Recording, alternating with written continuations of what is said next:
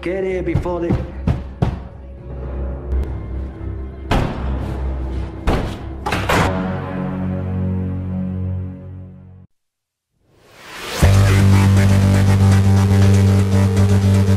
Halo Rebahaners, di mana pun kalian berada, bagaimana kabarnya? Kembali lagi bersama saya John, still in the house Kali ini saya akan kembali memicu adrenalin dan jiwa-jiwa brutal dalam diri Anda yang mulai memudar Karena jika Anda terlalu lemah, maka Anda akan rentan dikendalikan dan diintimidasi oleh orang lain Untuk itu saya akan merangkum sebuah film berjudul Leatherface yang dirilis pada tahun 2017 di mana film ini akan membuat mental Anda menjadi bergejolak dan pori-pori di tubuh Anda seketika hingar-bingar Sehingga hormon barbar di dalam tubuh Anda perlahan mulai akan mencuat dan membuat Anda menjadi pribadi yang lebih polontong.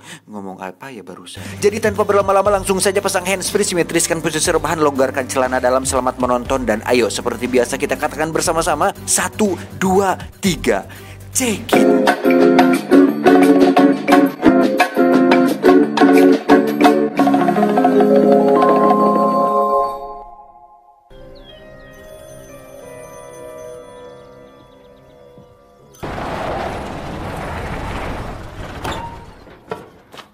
Kisah diawali dengan memperlihatkan sebuah keluarga psikopat yang tentu saja suka membunuh orang-orang, di mana di situ ada seorang pria atau korban yang akan mereka bunuh. Ini adalah Verna, ibu psikopat yang memiliki anak-anak psikopat juga. Namun ada satu anaknya yang berbeda dari yang lain di mana dia merasa hal ini tidak benar dan bertentangan dengan norma-norma sosial dan budaya. Anak itu bernama Z. Ini dia. Dan kisah akan berfokus padanya. Jed, go! Go!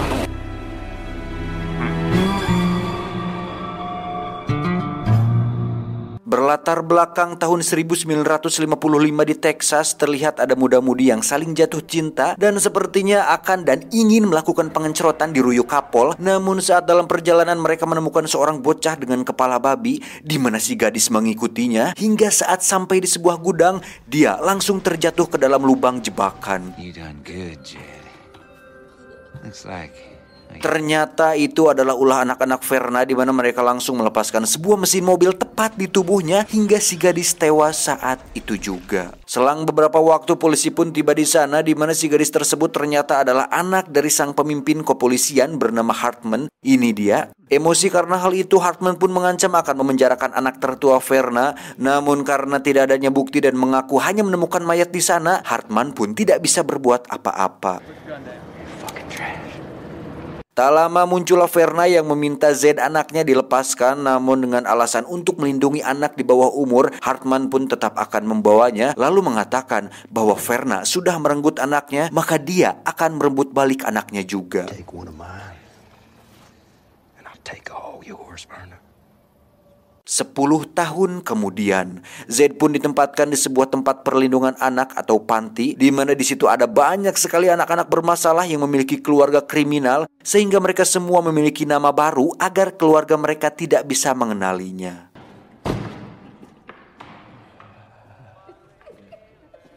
Dan setelah 10 tahun menunggu, Verna pun datang dengan seorang pengacara di mana kini dia mengaku sudah menikah dengan seorang pria kaya dan merasa layak untuk merawat dan membawa kembali anaknya si Z. Tapi karena semua anak-anak di sana sudah berganti nama dan tak ada yang bisa mengenalinya, sang kepala fasilitas perlindungan ini pun menolak untuk meng-ACC permintaannya dan meminta Verna untuk pulang. Mandy be transferred to prison. You're a bastard. Hillbilly trash. Tak terima dengan itu, Verna pun izin ke toilet di mana dia membunyikan alarm darurat agar situasi menjadi chaos. Namun usahanya tersebut tak membuahkan hasil dan malah diusir dari panti tersebut. Akibat alarm yang dibunyikannya, semua pasien pun menggila di mana mereka mencoba menerobos pintu keluar untuk bisa kabur dari sana. Di sisi lain kita akan melihat seorang remaja berbadan tinggi gempal bernama Bud. Ini orangnya, di mana saat dua penjaga lengah, Bud pun berhasil melepaskan ikatan di tangannya untuk kemudian membunuh mereka berdua dan segera pergi ke ruang kepala panti. Dan tanpa rasa ragu, Bud pun mulai mendekati si kepala panti dan langsung mendagor-dagorkan kepalanya ke kaca jendela hingga dia tewas saat itu juga.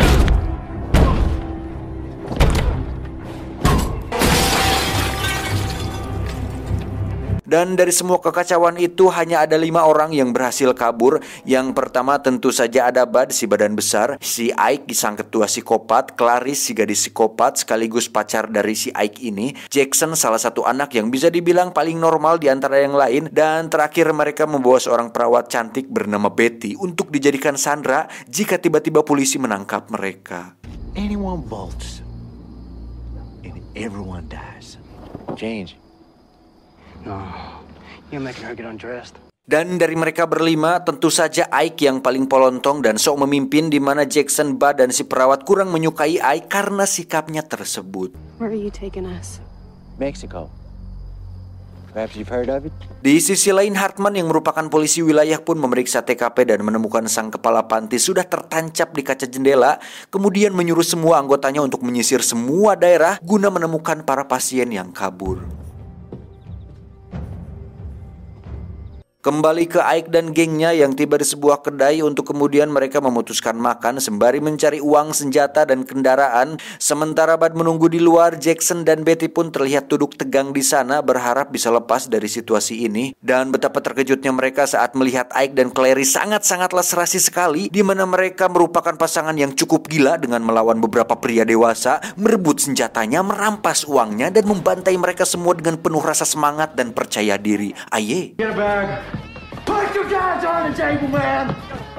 Tak lama datanglah Hartman di TKP yang sudah terlambat datang ke sana dan hanya menemukan mayat berserakan dengan beberapa bagian tubuh yang hancur dan itu sangat menggelehkan.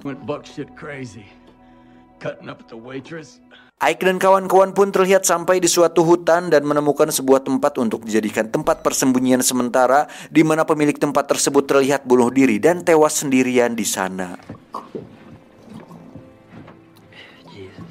Singkat cerita, malam pun tiba. Ketika Jackson dan Betty benar-benar ingin segera lepas dari semua mimpi buruk ini, Ike dan Clarice justru tengah asik melakukan pengencerobatan datan dan yang paling mengejutkan adalah mereka berdua melakukan itu tepat di samping jasad pemilik tempat tersebut. Gila kan?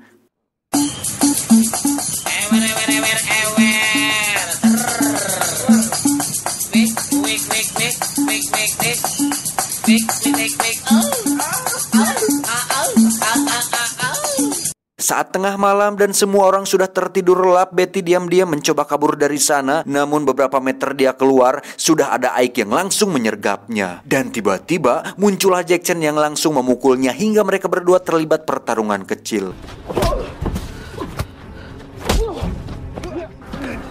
Tak lama Clarice dan Bud pun muncul di mana dia mengancam akan membunuh Betty jika sekali lagi dia mencoba untuk kabur. Karena kejadian ini Ike pun kesal kepada Bud yang ditugaskan untuk menjaga Betty dan menghina fisik dan kebodohannya akibat kelalaiannya tersebut. Dan Ike sudah sangat salah sekali telah mengatakan hal-hal sembarangan kepada Bud karena Bud merupakan orang yang sangat baperan di mana dia nekat memukul kepala Ike, menyeretnya, meletakkan gigi dan rahangnya ke batu, lalu menginjaknya sampai membuat kepala Ike pecah.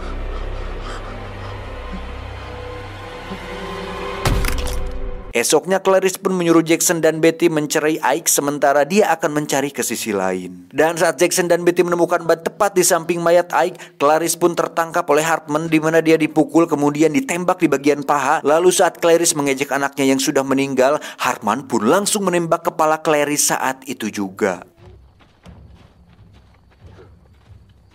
Jackson, Betty, dan Bud pun berusaha lari dari kejaran mereka dan saat menemukan bangkai munding, mereka memutuskan untuk masuk ke dalam perutnya guna menghindari penciuman anjing pelacak.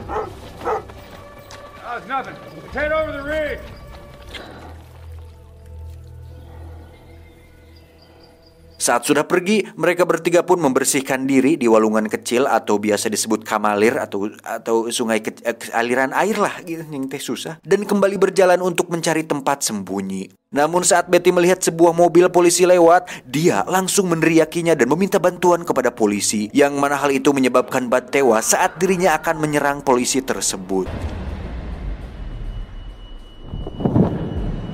Sontak hal itu membuat Jackson emosi dan seketika wajah baik dan normalnya tiba-tiba berubah di mana dia memukuli si polisi beberapa kali, meneriakinya, kemudian meletakkan kepalanya di lawang pantau mobil dan mendagorin pintu mobil ke kepalanya sampai si polisi meninggal.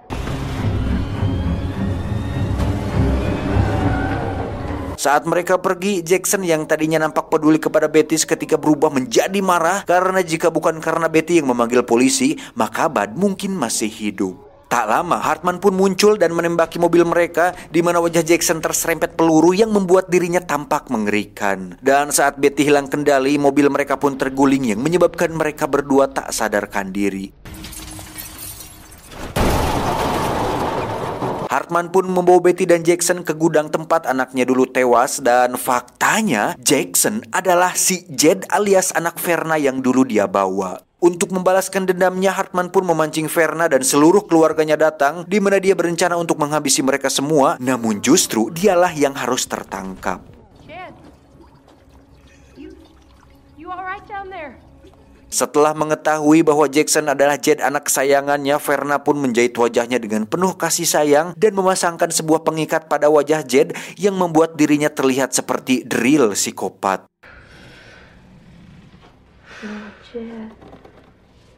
Kembali ke Hartman yang sedang sekarat di mana semua anggota keluarga psikopat berkumpul termasuk Betty dan tak lama muncullah Jackson alias Jed yang membawa sebuah gergaji mesin di mana Verna mengatakan bahwa orang asing hanya membisikinya dengan kebohongan. You show who you are, Jed. Look what that man did to your face. Dan tak butuh waktu lama untuk berpikir, Jed pun langsung menebas tubuh Hartman dengan sangat sadis dan saat mereka lengah, Betty pun berusaha kabur dari sana untuk kemudian Zed mengejarnya dengan gergaji mesin dan saat Betty menginjak ranjau, dia pun mencoba merayu Zed untuk pergi dari keluarga sadisnya tersebut. It's not too late. We can still get out of here together. Namun Jed yang sudah muak dengan bersikap baik memilih untuk berpihak pada keluarganya dan tanpa rasa ragu sedikit pun dia menebas kepala si Betty. This isn't you. It's your crazy mother. Setelah semua berakhir, Jackson pun menguliti kulit wajah Betty dan menjahitnya untuk dijadikan topeng yang merupakan asal-usul sosok psikopat terkenal yang sering mengejar korbannya menggunakan gergaji mesin dalam film berjudul The Texas Chainsaw Massacre. Dan dialah Leatherface. Tamat, ending yang menggergajikan.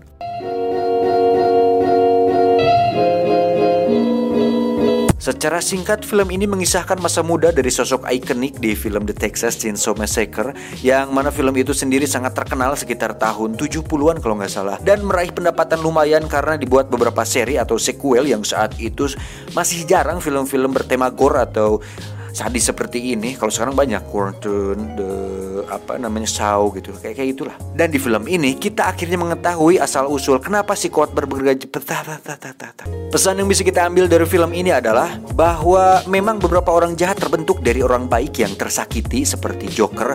Namun terkadang orang jahat juga bisa tercipta dari keturunannya sendiri. Sehingga bisa diambil kesimpulan bahwa orang baik mungkin saja jahat. Dan orang jahat belum tentu juga baik. Saya John undur diri Adios, tukang galon Venezuela. Dah, sip. Thank you semuanya. I love you. Sehat-sehat buat kalian. Bye bye.